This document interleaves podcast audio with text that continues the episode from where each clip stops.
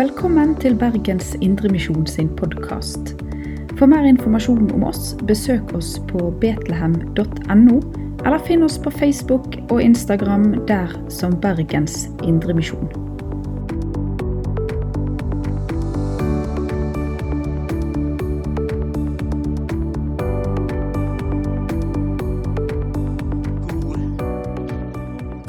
Adventssøndag, alle sammen. Nåde og fred fra Gud, vår Far og Jesus Kristus. Sangen vi har sunget nettopp, den er inspirert av denne søndagens tekst og det som skjer på et spesielt tidspunkt i denne tiden fram mot Jesu fødsel. Og Vi skal lese i dag fra Lukas evangeliet, fra det første kapittel, og da kan vi reise oss. Det er Maria som eh, sier disse ordene. Min sjel opphøyer Herren, og min ånd fryder seg i Gud, min frelser. For han har satt til sin tjenestekvinne i hennes fattigdom. Og se, fra nå av skal alle slekter prise meg salig. For store ting har han gjort mot meg, han den mektige, hellig er hans navn. Fra slekt til slekt varer hans miskunn over dem som frykter ham. Han gjorde storverk med sin sterke arm. Han spredte dem som bar hovmodstanker i hjertet. Han støtte herskere ned fra tronen og løftet opp de lave. Han mettet de sultne med gode gaver men sendte de rike tomhendte fra seg. Han tok seg av Israel sin tjener og husket på sin miskunn, slik han lovet våre fedre Abraham og hans ett til evig tid. Slik lyder Herrens ord. La oss be, Hellige, gode Gud og Far, hellig oss i sannheten. Ditt ord er sannhet. Amen.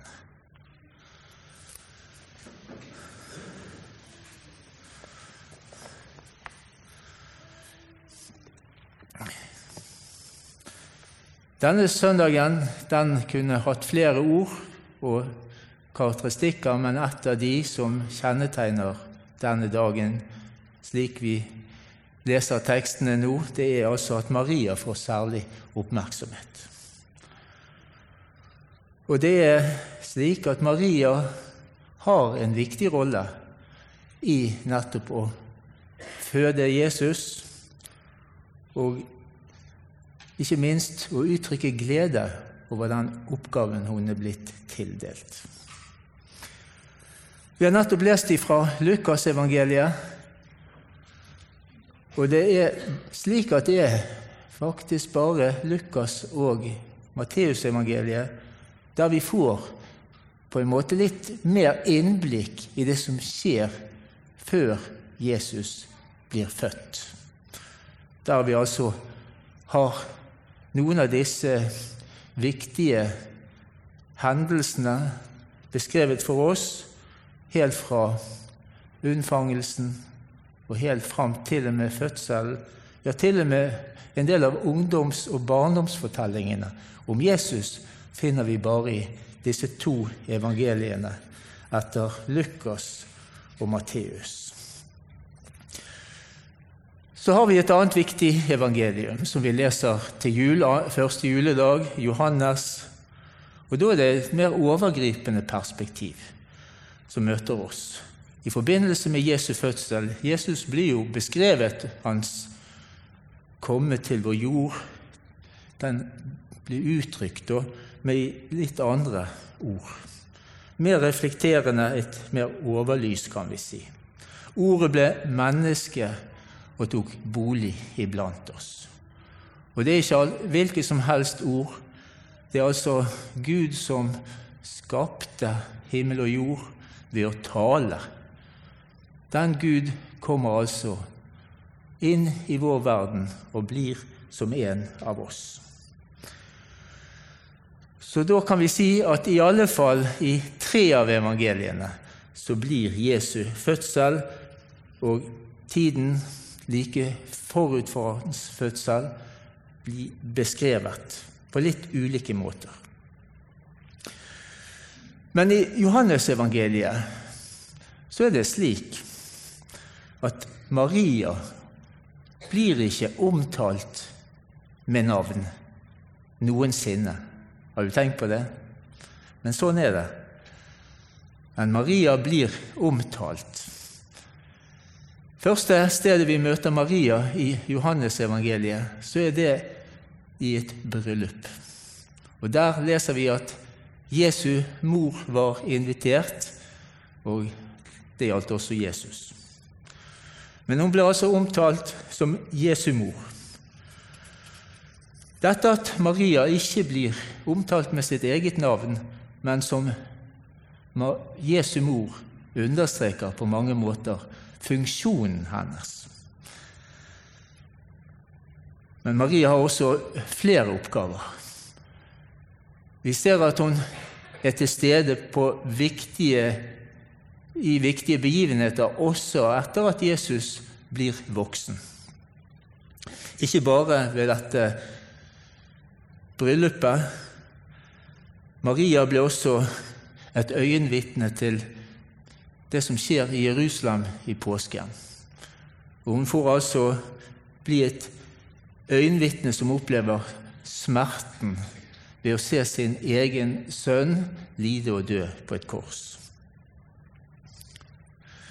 Så det er kontraster. I dag er det gleden som er mer i fokus. I bibelteksten som vi har lest, får vi et glimt av Marias glede i en lovsang som hun uttrykker etter at hun har dratt opp til Elisabeth, den godt voksne Elisabeth, som også er gravid.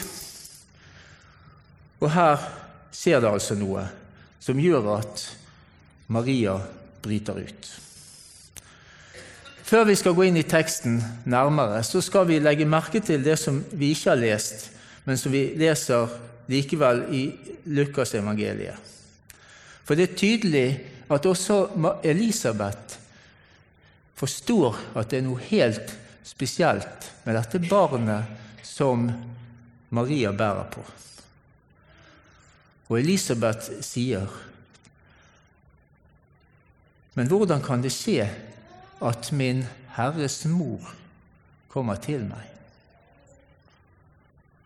Og hun sier videre til Maria.: Salig er hun som trodde, for det som Herren har sagt henne, skal gå i oppfyllelse. Det er altså ganske tidlig i Ikke så lang tid etter unnfangelsen at Maria oppsøker Elisabeth. Og Elisabeth uttrykker altså tillit til Gud og at det er faktisk slik at Maria blir omtalt som min Herres mor.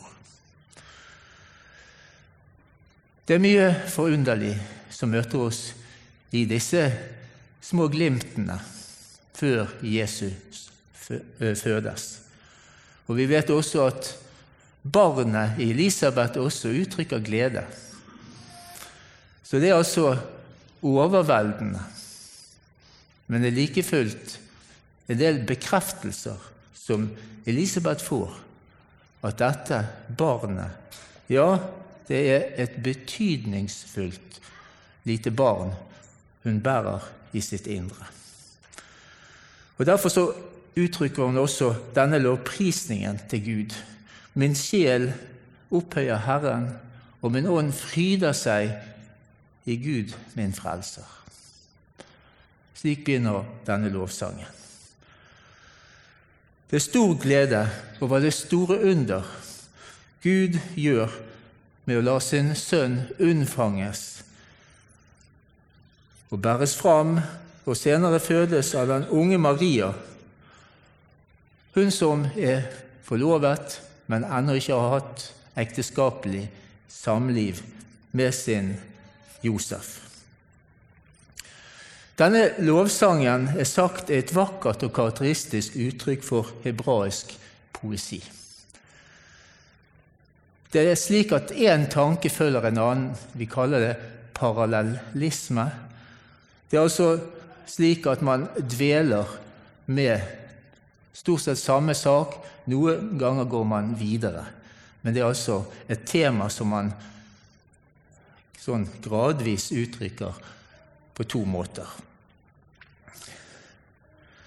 Og Denne lovsangen blir kalt magnifikat. Den har en særlig rolle ved at mange bruker den i sine egne bønner. I tidebønner om ettermiddagen så blir ofte denne Marias lovsang benyttet. For den har et dypt og ikke bare inderlig innhold. Det er også noe som har betydning for oss, og det skal vi se litt nærmere på. Lovsangen har også sitt vi kan si motstykke. Det har iallfall en del felles med en annen lovsang. Og Da snakker vi om en annen kvinne i Det gamle testamentet som vi leser om i første Samuels bok. Og da er det Hanna, Hannas lovsang. Hanna var i likhet med Elisabeth også en som hadde bedt om å få barn, og til slutt så får hun et barn. Og det blir ikke et hvilket som helst barn, det blir han som blir innviet til en særlig tjeneste, profeten Samuel. Og Denne lovsangen begynner nesten på samme måte som Maria uttrykker seg i sin lovsang. Jeg skal lese første verset. Min sjel fryder seg i Herren, Herren gir meg stor kraft. Jeg skal lese noen vers litt senere, for også der kjenner vi igjen noe av det som Maria uttrykker. Hanna sier, og dette er viktige sannheter, Herren tar liv og gir liv. Han sender ned til dødsriket, og han fører opp igjen. Herren gjør fattig, han gjør rik. Han fornedrer og han opphøyer. Han reiser den svake opp av støvet og løfter den fattige av dyngen. Vi kunne kanskje sagt at det til og med er en profeti her om Guds allmakt. Gud har kontroll også når Jesus lider. Til fastsatt tid skal han oppreises igjen. Og det skjer den tredje dagen. Så vi nærmere på innholdet i Marias lovsang, så finner vi igjen også alle, nærmest alle versene igjen ulike steder i Salmenes bok. Vi kunne eh, listet opp forskjellige steder, men hvis vi slår opp i Bibelselskapet sin, eh, enten på nett eller i Bibelen, så ser vi det. Det er ulike salmer som har nærmest ordrett sitt innhold i eh, Marias lovsang. Dette viser oss at Maria er fortrolig med israelsfolkets bønner. Det er liksom som hun kjenner godt til den praksis man hadde da man ba ja, regelmessig fra Salmenes bok. Vi kan si at det var deres salmebok i alle fall bønnebok. Og Maria uttrykker altså stor glede, rettet mot Gud, både for hans frelse og den kallsgjerning han betror henne. Den unge Maria jubler over at Gud har grepet inn. Hun er glad for at nettopp hun fortjener ham i denne viktige og store oppgave. Vi skal stoppe litt opp ved det for en slik glede kan vi også ha. Kunne kanskje sagt burde ha, men jeg tror vi kan helst prøve å stoppe opp og si at slik kan vi ha det. Når vi stilles overfor vanskelige oppgaver som Gud tildeler oss, tildeler deg. Gud er nådig i sitt kall. Hans vilje er alltid rett. Og når Gud betror deg en oppgave, så gir han deg også den hjelpen du trenger i å utføre det som Gud vil at du skal gjøre. Og Vi kan prøve å reflektere litt over dette i møte med Maria. Ja, mye kunne vært sagt. Møte med de andre, hva vil de andre tenke om dette? Så hun er blitt betrodd den oppgaven. Hun trengte den støtte Gud kunne gi, også den støtte som Gud ga gjennom Josef. Men Gud i sitt nådige kall er trofast, og Gud vil nettopp at vi skal gjøre det Han kaller oss til, slik han ville at Maria skulle gjøre det han kalte henne til. Men det er altså noe spesielt med Maria, helt unikt. Gud gjør som har betydning for alle kommende slekter. Hun sier også i denne lovsangen at mennesker kommer til å prise henne salig. Dette ordet er jo litt fremmed. Ofte forbinder vi det med følelser. Men et menneske som blir erklært salig, er en person som er velsignet av Gud, som har et rett forhold til sin Gud og skaper. Og igjen, for å holde oss i Salmenes bok, Salme 1, der kjennes, kjennetegnes den som er salig, ved å ha sin glede i Herrens ord. Og på en særlig måte i Herrens bud. Det er altså en vi kan si et kjennetegn ved den som blir erklært salig, slik Maria ble. Salig er du, Maria.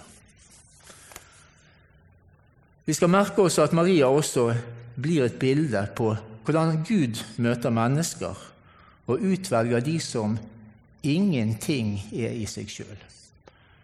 Hun har jo ingen forutsetninger, hadde ikke båret fram noe barn før hun blir betrodd denne oppgaven. Helt uerfaren. Gud kaller mennesker på bakgrunn av sitt eget kall, på bakgrunn av det Gud vil, og ikke på bakgrunn av våre meritter. Men det ser ut som det noen ganger i Guds rike er en fordel at man ikke har erfaring, slik at man i alt og alt er avhengig av at Gud er med i smått og stort. Dette kallet en ung jente får til å føde barnet som er dens høyeste sønn, det viser oss en underfull Gud som allerede i skapelsen demonstrerer sin allmakt ved å tale et ord, og det skjer. Og slik skapes liv av intet.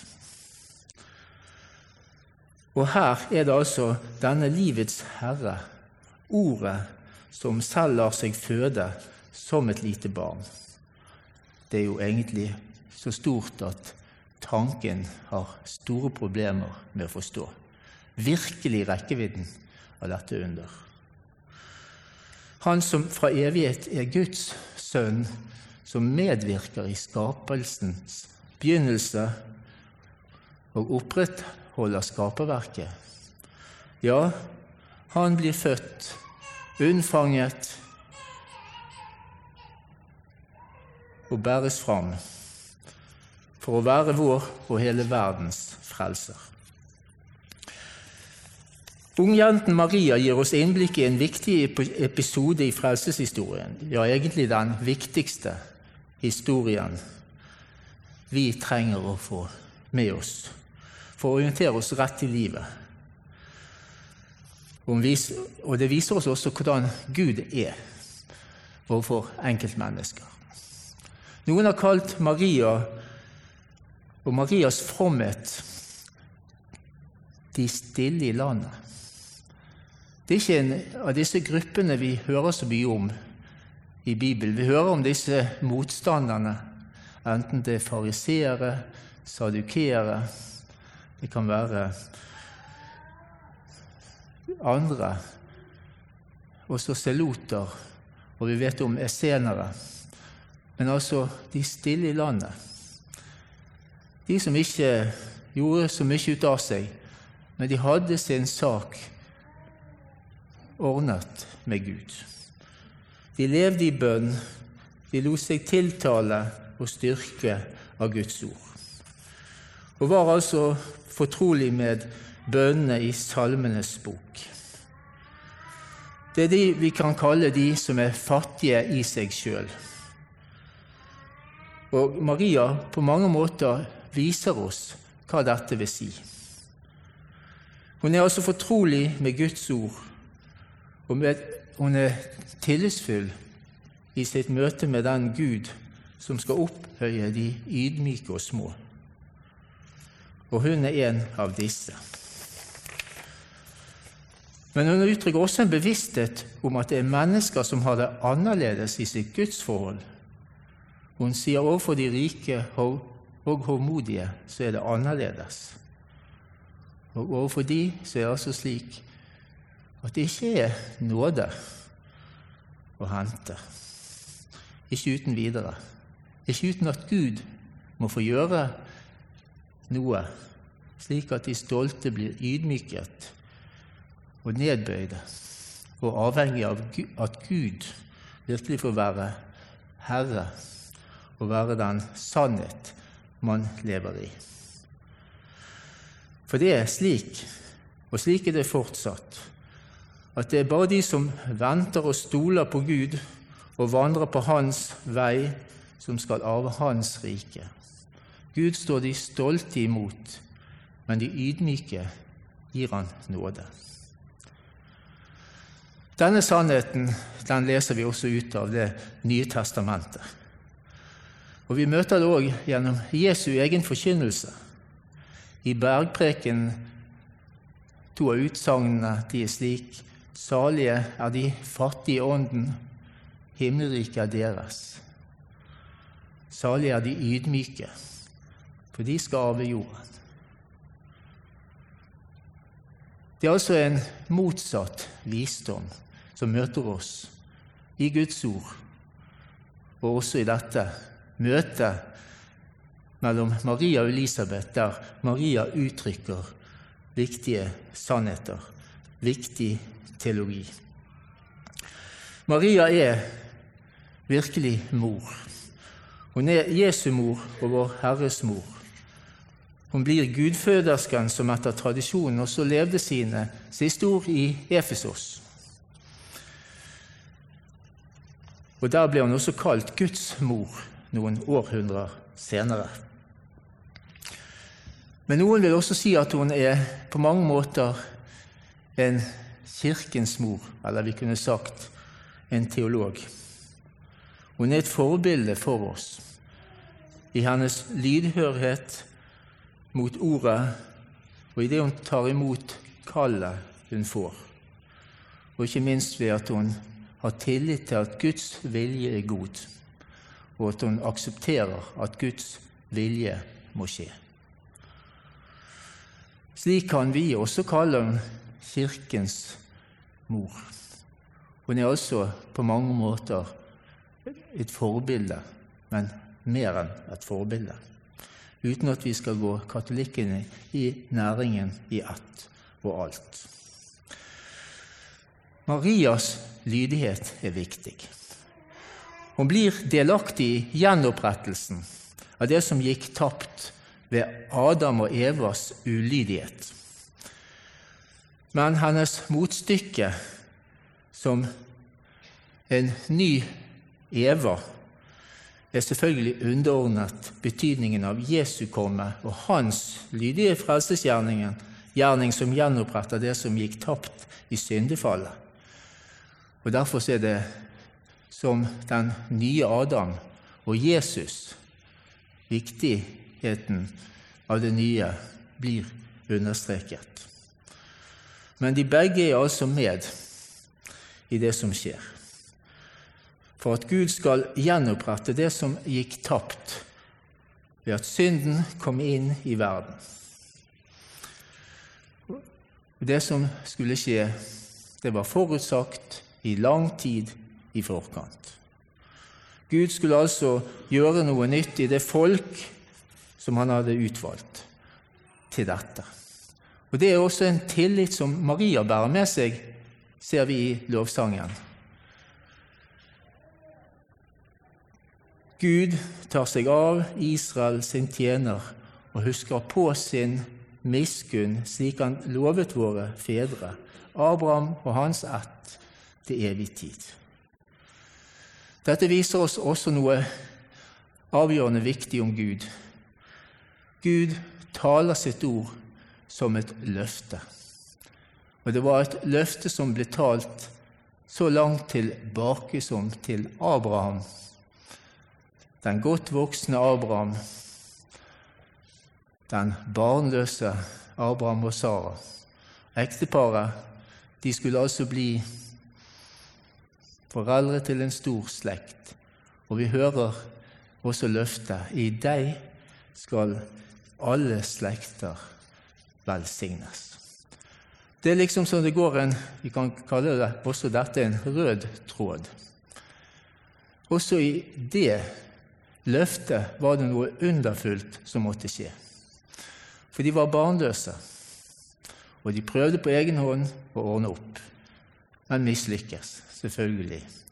Det er slik at det er Gud som må få gjøre det på sin måte for at løftet virkelig skal være et løfte som Gud oppfyller i sin tid. Så skjer det noe i tidens fylde. Løftet om velsignelse til alle folk blir oss til del ved Han som er født av jomfru Maria. Gud er trofast mot sitt eget ord og løfte. Og på grunnlag av Jesus Kristus, vår Frelser, kan syndere bli erklært rettferdige og salige. Ja, på bakgrunn nettopp av at Gud forkynner et ord og gir et løfte mot naturen, slik også barnet, eller vi kunne sagt barna, ble født, disse betydningsfulle barna i frelseshistorien ble født. Ja, på bakgrunn av at Gud demonstrerer sin allmakt, og at Gud står ved sitt ord og løfte.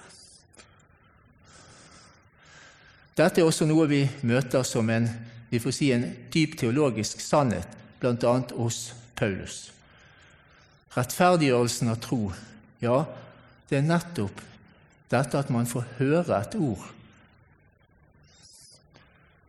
liksom et løfte mot den virkelighet man egentlig erfarer. Rettferdighet, et rett forhold til Gud, ved tro. Ja, og det står mer enn dette. Det står ikke så mye om Maria, men til og med Paulus omtaler Maria. Vi skal lese fra Galaterne 4, vers 4-5. Men i tidens fylde sendte Gud sin sønn, født av en kvinne, født under loven. Han skulle kjøpe fri dem som sto under loven, så vi kunne få rettferdig retten til å være Guds barn. Du lå gjerne merke til det født av en kvinne. Det står der også hos Paulus. Selv om hovedpoenget her er Guds frelse og fred som kommer til oss, ikke ved lovgjerninger, men ved et løfte knyttet til Guds egen sønn og Guds sønns lydige lovoppfyllelse. Han som lot seg føde av en kvinne, og som gjennomlevde hele menneskelivet fra unnfangelse til død i vårt sted helt fra fosterstadiet av, var Jesus et menneske, men uten synd. Og så gikk han frivillig inn under loven, ja, for å bære egentlig lovens krav i vårt sted. Når han lider, så er det uskyldig, og så blir det tilregnet oss som rettferdighet ved troen. Et løfte som Gud oppfyller til fastsatt tid, sendte han sin sønn, født av en kvinne. Og så gis vi retten til å være Guds barn. Og Det er ikke noe som vi kan gjøre for å få del i dette. I utgangspunktet er det slik at det er Guds gave som kommer til oss. Og vi kan tenke det er nok bakgrunnen for også gavene, selv om gavene ofte er sånn vi bytter gaver. Men slik er det ikke med Gud. Det er Gud som gir, uten at vi kan egentlig gi så mye annet tilbake enn å si takk. Takk for at også jeg fikk være med. Så gis vi altså retten til å bli et Guds barn. Det er ikke deres eget verk, sier Paulus, men Guds gave. Paulus er altså den første av Nytestamentets forfattere som skriver om at Jesus blir født av en kvinne. Men han skriver altså mest om Jesus, om troens mysterium, som Gud på forhånd har gitt løfte om gjennom sine profeter i hellige skrifter. En av disse profetiene leser vi i julen. Det står i profeten Jesaja 9.: For et barn er oss født, en sønn er oss gitt. Herreveldet er lagt på hans skulder. Han har, han har fått navnet underfull rådgiver, veldig Gud, evig Far, fredsfyrste. Så er altså dette julens fred. Det er altså Jesus Kristus, Guds sønn, vår Herre som fødes inn i vår syndige tilværelse for å skape fred og gjenopprette det som gikk tapt. Gud er trofast mot sin egen frelsesvilje. Ja, hans kjærlighet strekker seg ut, og så langt ned, så dypt ned som bare Gud kunne komme. Og så har han har Gud kontroll. Og så er Gud slik at Josef, Marias forlovede, får et møte med Gud gjennom en engel. Også her blir Jesaja-boken sitert. Jeg skal lese, det står i Matteus 1,20. Josef, Davids sønn, vær ikke redd for å ta Maria hjem til deg som din kone for barnet som er unnfanget i henne, er av Den hellige ånd. Hun skal føde en sønn, og du skal gi ham navnet Jesus, for han skal frelse sitt folk fra sine synder. Og alt dette skjedde for at ordet skulle oppfylles som Herren har talt gjennom profeten. Se, jomfruen skal bli med barn og føde en sønn, og du skal gi ham navnet Immanuel. Det betyr Gud med oss. For slik blir også Maria med rette kalt jomfru Maria, og gitt en oppgave å oppfylle Guds løfter ved å føde Guds egen sønn som frelser til jorden. Maria viser oss betydningen av Guds løfter, men også betydningen av å være lydhør mot ordet og ta imot kallet knyttet til å ha, sitt, ha et rett forhold til Gud og til Jesus, vår Frelser og Herre. Amen. Ære være Faderen og Sønnen og Den hellige ånd, som var og er og være skal en sann Gud fra evighet og til evighet. Amen. Du har lytta til Bergens Indremisjon sin podkast. For mer informasjon om oss, besøk oss på betlehem.no, eller finn oss på Facebook og Instagram der som Bergens Indremisjon.